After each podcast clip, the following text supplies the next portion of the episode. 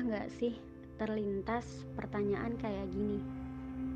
Terlebih kalau lihat orang di sekitar kita udah pada sampai ke tujuan masing-masing. Rasanya bahagia bercampur sedih juga. Bahagia karena teman atau saudara kita udah pada sukses. Sedih karena terlintas pertanyaan di benak sendiri. Aku kapan ya Allah?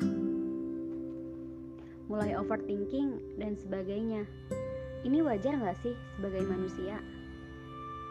Hmm, untuk setiap ekspektasi yang kau tuliskan namun belum terwujudkan. Untuk setiap harapan yang kau rangkai namun belum juga tergapai.